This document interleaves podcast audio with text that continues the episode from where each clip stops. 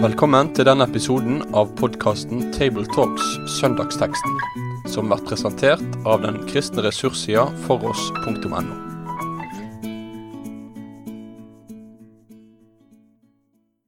Ja, Da ønsker oss velkommen til eh, et nytt opptak i Tabletalks, og det er Stavanger-gruppa med Sofie Braut, Øyvind Solheim og Jan Helge Aarseth som er samla her.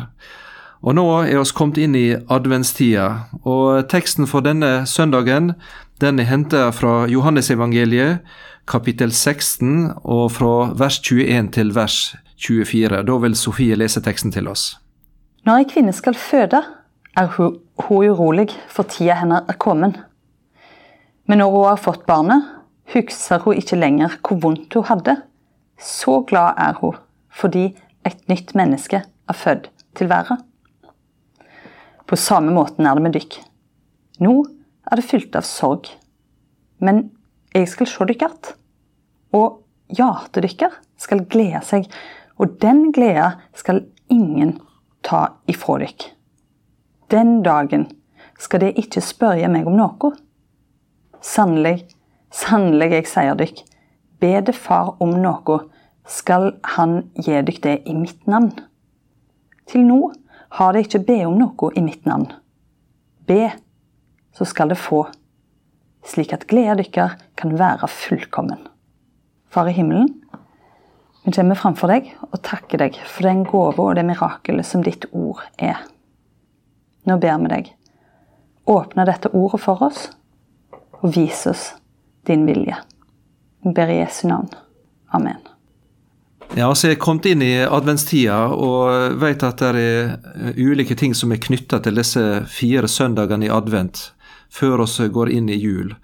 Og Da er det ulike ting som er å tenke på. Det er dette med forventning, det er dette med å vente på, på Han som skal komme, og kom, at Han kommer og kom og skal komme igjen for Jesus eh, snakker her, så ser vi at det er veldig sterke følelser inni dette. Det er snakk om eh, sorg, eh, og det er snakk om en fullkommen glede. Og snakket litt om hvordan jeg skal finne en tråd eller tema i dette, og kommet fram til at en kan ha det som fra sorg til glede, eller gjennom angst til den fullkomne glede. At det kan være en tråd som kan passe inn i nå i adventstida og knytta til denne bibelteksten fra Jesus. Det første som vi møter i eh, Jesus i undervisningen her, det er dette med kvinner som skal føde. Men vi må kanskje si litt om denne sammenhengen som disse ordene er sagt inn i. For det er en litt lengre tale fra Jesus og en litt lengre forklaring her. Så kanskje en må si hva er det slags tid, og hva er det som, er, det som er omkring? Det er jo skjærtorsdagsnatt at Jesus uh, har denne undervisningen eller talen. Og uh, han snakker en del om at han skal gå bort at han skal lide og at han skal dø. Og disiplene de forstår ikke helt hva han snakker om. Og, og, og det snakket hans om at han skal gå bort, det fyller dem med sorg. De blir lei seg, de blir redde, urolige. Hva skjer nå? Skal du gå bort fra oss? Eh, og det, det er jo den settingen dette tal, Jesus snakker dette inn i. da. At de blir urolige og forstår ikke helt hva han snakker om. Og Rett forut for den teksten som vi leser, så er, er jo disiplene der med mange spørsmål og, eh, og, en forundring over det Jesus mm. sier. Og det er jo noe vi kan kjenne oss litt igjen i òg her. Det er jo ord som du Jan Helge sier, det, de skal forstås på flere plan. Og det er jo noe av det som er, det prof, ligger i det profetiske. Det som, som, både adresserer situasjonen her og nå, og som òg gir grunn til å løfte blikket. Eh, og det det er jo spennende, men det kan jo òg være litt uh, frustrerende, ser vi både for disiplene når de hadde Jesus der, og, og kanskje for oss òg som møter teksten her. Og når vi berører disse tekstene, så ser vi altså dette eh, følelsesregisteret som er dette veldig spennet som ligger i den, fra gråt og sorg og angst og til denne fullkommen glede. Og kanskje speiler det nettopp Gud, som ikke er på en måte en slags kald, hard skjebne som går, tikker i vei, men det er en levende Gud med sitt følelsesregister, som kjenner på både sorg og, og på smerte, og ikke aller minst eh, en uendelig kjærlighet til den skapte verden. Eh, så Gud er veldig tett på når det gjelder dette. Og Så får vi et blikk inn i, i dette Jesu forklaring også. Nå er det knytta noen løfter til dette, og skal komme inn på det som Jesus gir. Men i alle fall i, i den sammenheng som teksten har gitt oss, som du Øyvind er, så er det altså dette at Jesus skal bort. Og oss finner også løftet her om at han skal komme igjen, og oss finner løftet om talsmannen eller Den hellige ånd som han skal gi til, til de kristne og de som tror. Så alle disse tingene ligger i dette. Men Jesus han snakker her om denne, altså denne kvinna som skal føde. Og nå både Øyvind og meg oss har vel eh, kanskje tenker at oss er født, men eh, da som fedre. Eh, og kanskje Sofie, du har vel enda tettere erfaring på akkurat det som Jesus bruker her, den bildet eller den metaforen som, som han løfter fram for oss? Absolutt, både når en har, sikkert når en har stått på sida, men òg for meg som har født tre barn, så kjenner jeg jo veldig sterkt på denne billedbruken til Jesus her. Og, og, hvor, hvor hvor godt det egentlig treffer akkurat beskrivelsen hans her. Når hun har fått barnet, husker hun ikke lenger hvor vondt hun hadde. Og jeg tenker det er jo en virkelig skjærsild å gå gjennom det og, og, og oppleve det at, at, du føler egentlig at Nei, nå tar det nærmest helt slutt her. Dette her, det er, er på en måte ingen vei utenom, men du tenker nærmest at du Sånn som noen sier, jeg trodde jeg skulle dø. altså Det, det er en veldig sånn, sterk uh, opplevelse. Men den ufattelige gleden og den eh, sånn som Gud har skapt oss òg, med alt som skjer i kroppen som gjør at du glemmer det, og kommer liksom over i en helt ny fase. Og blir bare veldig opptatt av det nye livet og det nye som har kommet til. Så det bildet er jo enormt sterkt her. Og, og, og det sier jo noe om, om, styrken i det en går gjennom dette som, som er så desperat, og som munner ut i noe så overveldende og nytt og det virkelige livet, da. Og Jesus viser vel òg en forståelse for den vanskelige ventetiden når han er borte. Enten det er nå sånn som disiplene, at han forsvinner i, i fangenskap, ydmykelse, mishandling og korsdød. En, altså han, han, bruker jo et sterkt bilde med denne, en kvinnes fødsel. Og han viser med det at han, skal, han forstår hva de skal gjennom, faktisk. Av smerte, uro, sorg og sjokk. Og, og samtidig, når, i adventstida nå, så forstår han òg hvor vanskelig ventetiden er. Hvor det tar så lang tid før du kommer igjen, Jesus. Så dette med fraværet, dette med sorgen over at ens elskede er borte, at hvor blir du av, hvor er du hen? Den, den er Jesus forstår når han viser denne sammenligningen med, med, med fødsel her. Ja, for disiplene synes å være veldig engstelige for å miste Jesus veldig konkret. Altså de ønska at han skulle fortsatt være til stede fysisk, slik som han hadde vært nå. Tett på dem i, i, i, denne treårsperioden de hadde vært vandra med han. Uh, og han, de ønska på en måte at han skulle fortsatt være slik være den fysiske og den som var der hos dem i Galilea. Men det er tydelig at Jesus sier eh, at det vil ikke verte slik framover. Han skal gå bort, og vi vet også at han eh, taler om sin bortgang og sin korsdød. Eh, og dette er vanskelig for dem å skjønne og forstå da. Um, og slik sørger det òg nå, sier han. Denne ventetida som du var inne på, Øyvind, den, den er prega av, av, angst og uro og mange bekymringer og sorger. En, en ser ikke så tydelig og klart uh, hvordan det skal bli. Og det oppleves vel kanskje som kristne også, at vi lever i en slags av og til både et kristenliv og trusliv som er prega både av tvil og av usikkerhet, og ikke alltid at overbevisninga er like sterk og tydelig, og spør hvor er du nå, Jesus? Ja, og så tror jeg ikke vi forstår, eller sånn som disiplene heller forsto heller ikke at bak det smertefulle så skulle det komme noe som var enda bedre, en større glede. Han sier jo noe som disiplene ikke kunne begripe, og som kanskje for oss fortsatt kan være litt vanskelig å forstå. Han sier jo i vers 7 i kapittel 16 her at jeg sier dere sannheten, det er til gagn, altså eller til det beste for dere at jeg går bort. Altså, det er jo litt underlig. Er det til beste for oss at mesteren, sjefen, den trygge, den sterke, Messias går bort? Er det til det beste for oss? Hadde det ikke vært best han var iblant oss? Og vi kan tenke i dag, hadde det ikke vært best for kristenheten at Jesus hadde fysisk vært iblant oss? Men så fortsetter han. For dersom jeg ikke går bort, kommer ikke talsmannen til dere, altså Den hellige ånd. Men går jeg bort, da skal jeg sende ham til dere, Den hellige ånd. Så det skal komme noe bedre, sier Jesus. På en måte skal Jesus komme tettere på gjennom Den hellige ånd enn det han faktisk var denne skjærtorsdagsnatten, når, når de kunne så sin lene seg opp, som det står om Johannes, opp til brystet hans. Så sier Jesus egentlig underforstått at Johannes, når jeg kommer og møter dere igjen, og når Den hellige ånd kommer, så skal jeg faktisk være tettere på, for da skal jeg være inni deg ved Den hellige ånd. Og det er jo midt i bildet med fødselsvene òg, at jo, det er ubegripelig når det står på, men det som kommer med fødselen, det skal bli så mye bedre. Så en kan kanskje tenke slik at uh, hvis en da opplever en vanskelig periode med mørke og angst, og det er smertefullt, og, og, og, og sånn, så vil en kanskje da kunne si her ja, men det er ikke det siste. Uh, der er noe som kommer etter dette. Uh, og det er noe som er knytta til glede og, til Jesus sjøl. Og Samtidig så sier det òg noe om dybden i, i teksten her. at at Jesus ikke bare liksom peker ut et håp, Man kan av og til si ja, det er viktig å ha håp.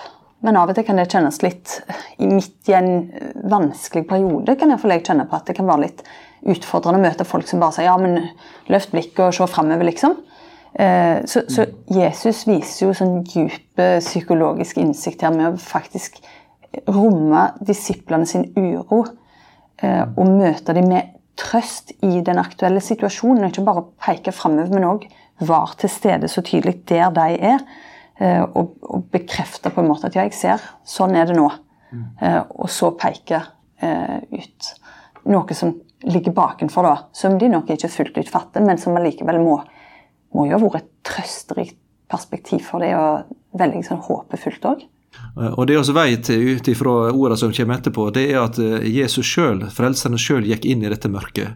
Han, han sjøl, i kort tid etterpå, så fikk han sjøl erfare den ultimate både angst og sorg og, og, og møte med død som rammer han sjøl. Så å se en frelser og en gud som fullt ut forstår hva det er å være et lidende menneske, hva det er å være og bli, å bli ramma av, av, dom og død og smerte og forkastelse.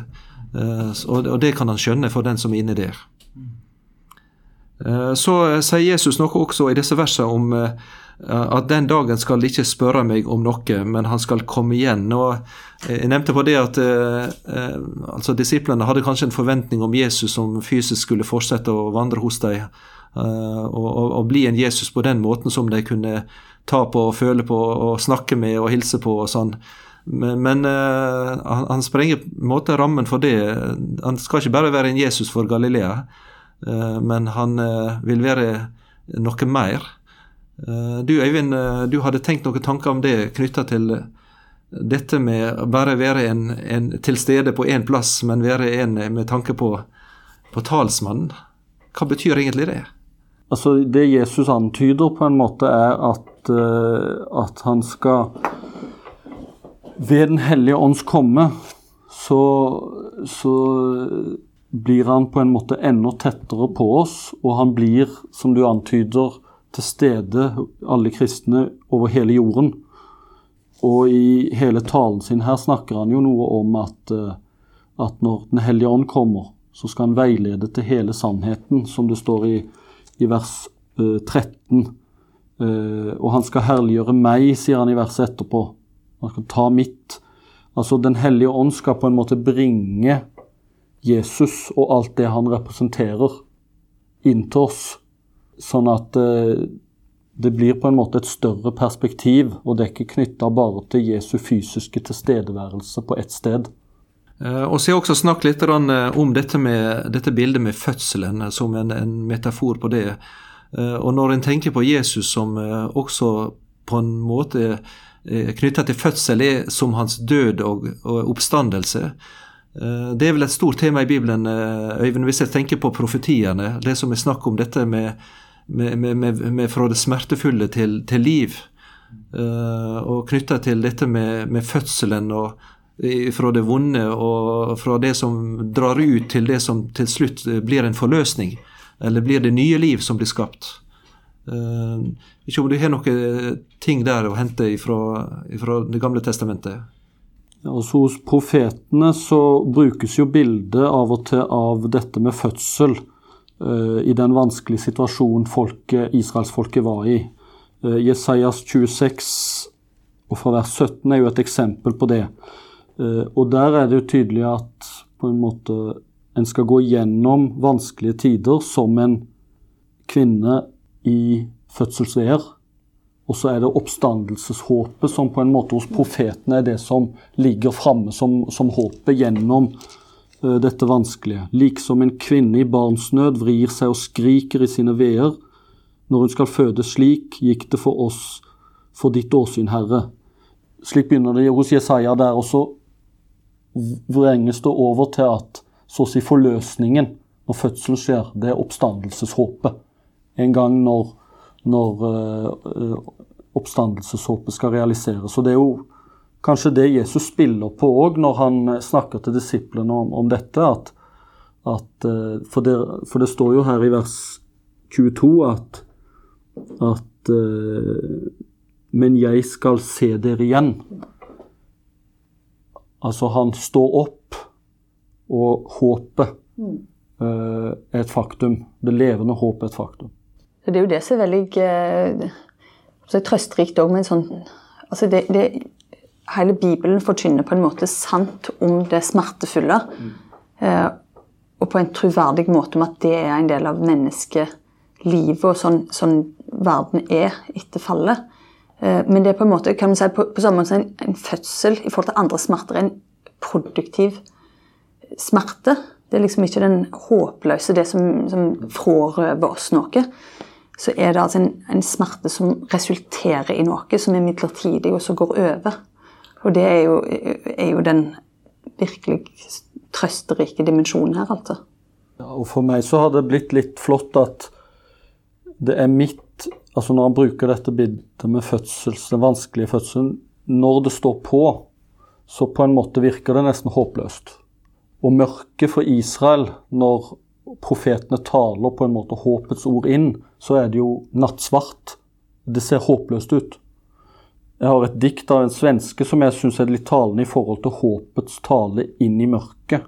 At det, uh, det lyder sånn uh, Harry Blomberg som sier Ty efteråt skal du forstå at just ved soloppgangen er natten særskilt kald, men så børjar fågelsången en erfarer jo faktisk at fuglesangen begynner før det demrer av dag.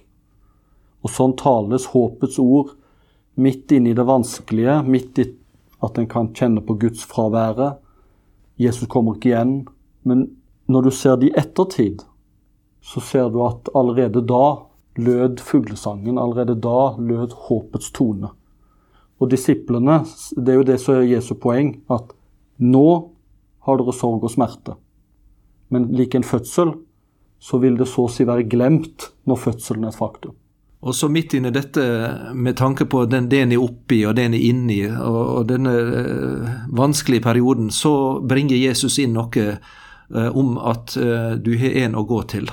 Med alt som ligger deg på hjertet og din situasjon. Og da tar han opp dette med å bønne. Og han nevner på dette med bønn i Jesu navn som veien, da. Eh, hvordan uh, tenker vi omkring det med bønn og bønn i Jesu navn? Uh, hvordan skal en be på rette måten, og knytte det opp til slik som Jesus tenker det? Jesus antyder jo her iallfall at det er en ny situasjon etter at fødselen er et faktum, så å si. Altså etter at Jesus er stått opp. Så sier han at nå så skal dere få be i mitt navn. Det er kommet en ny situasjon. Eh, forhenget i tempelet revna når Jesus døde på korset. Veien inn til Faderen er åpen. Til Maria Magdalena så sier Jesus i hagen at gå og si til mine brødre, min far og deres far, min Gud og deres Gud. Eh, slik som Lina Sandel synger i sin sang er det sant at Jesus er min broder, og at himmelens arv meg hører til? Det er blitt en ny situasjon hvor nå, sier Jesus, så skal dere få be i mitt navn og be til min far. Komme til han direkte. Det er blitt en ny situasjon etter Jesu død og oppstandelse. Jeg har vært på Åna kretsfengsel et halvt år som betjent. og det som jeg så der, kanskje som et bilde på dette for meg, så var det at ei celle i et norsk fengsel, den, den er slik at på innsida av døra så er det bare ei glatte plate. Der er ingen dørklinke eller nøkkelhull. Eh, men der er eh, ved dørkarmen en, en, en, plass der en kan klemme, en grønn knapp var det der, da, eh, som gir beskjed om at en har et behov eller en har et spørsmål, en har noe som en trenger. Mm, og Jeg har av og til tenkt på dette med bønn i Jesu navn. At en kan få komme med, med, med Jesu navnet. Da er det en som har nøkkelen og som kan låse opp der en sjøl står og hamrer på ei lukka dør og ei, ei, ståldør og ikke kan bryte gjennom, så er det en som har makt til det, som kan åpne opp for en, og som uh, lukker en inn, altså inn med tanke på det en har både av synd og smerte og vanskeligheter i livet likevel. Uh, så en har en frihet, der er åpna dør i, Jesu navn, uh, som gjør at Jesus ser her at han er knytta dette med Gud, ikke bare Gud, men han er far for oss, og at oss får pga. Jesus og det han er og hans navn får være barn og komme direkte til Guds fang, opp på hans fang da. Hebreerne 4, uh, kapittel 4 vers 16, der snakker han om at denne ypperste press som er åpna vei for oss, Jesus Guds sønn, slik at oss kan få gå fram for nådens trune med frimod og få hjelp av miskunn og finne nåde til hjelp i rette tid. Så den døra som var stengt og lukka for oss, den er nå vid åpen, og inntil Han som er far for oss det kan oss få gå. Det er jo nettopp disse her eh, flotte sluttsatsene her i teksten også, som på en måte henger igjen. Eh, at en går over i denne eh, enormt tette fellesskapsdimensjonen her, og blir så til de grader invitert inn. Der det både handler om glede og der be om noe. Far vil gi det i mitt navn. Uh, til nå har dere ikke bedt meg om noe, sier Jesus, men be, så skal det få, slik at gleden deres kan være fullkommen. Det er jo et, sånn, en sånn Som du sier, døra står på vid vegg, og, og, en blir invitert inn. Så det er jo en helt nye ære for fellesskapet, for, for tette bånd her, da. Eh, med en hellige ånd. Eh, og med bønn i Jesu navn. Jeg hadde i Tanzania, på bibelskolen Wama, der jeg var, ei eh, jente. Hun heter Paulina, og hun hadde opplevd i sitt liv at eh, pga. Eh, at hun ønsket å bli døpt og bli kristen som tenåring, at hun ble innelåst av sin egen far på, i et lite rom i ei hytte. Eh, I ett år så bodde hun i ensomhet. Uten vindu og helt i mørket. Fikk bare vann og mat. Hun var 14 år, og jeg, jeg, har hatt henne som elev i tre år. og jeg, jeg, spurte av og til hva er det gjort med deg, er du bitter på far og på det livet er gitt? Eh, og det hun svarte, det var alltid det at eh, jeg hadde en å gå til, og det var Jesus. Så hun opplevde denne jenta fra Tanzania at i en mørk hytte innelåst av sin egen far, eh, som i et fengsel, så var hun ikke alene, men hun hadde en med seg dag og natt som tenåringsjente som hun kunne snakke til, og, og, og ga hva med henne, og som hun hadde med. Eh, og så eh, har jeg, jeg har prøvd liksom å lokke fram dette om det, ja, men det er ikke så enkelt. Nei, hun sa det at jeg opplevde at eh, om min far ble imot meg, så hadde jeg en far i himmelen, og han er gode. Det opplevde hun gjennom trua på Jesus. Be, og de skal få, så det dykkar glede kan verta fullkommen. Det er Jesu svar til oss. og det gode evangeliet inn i, i ventetida. Med det sier vi takk for følget for denne gang. Finn flere ressurser, og vær gjerne med å støtte oss på foross.no.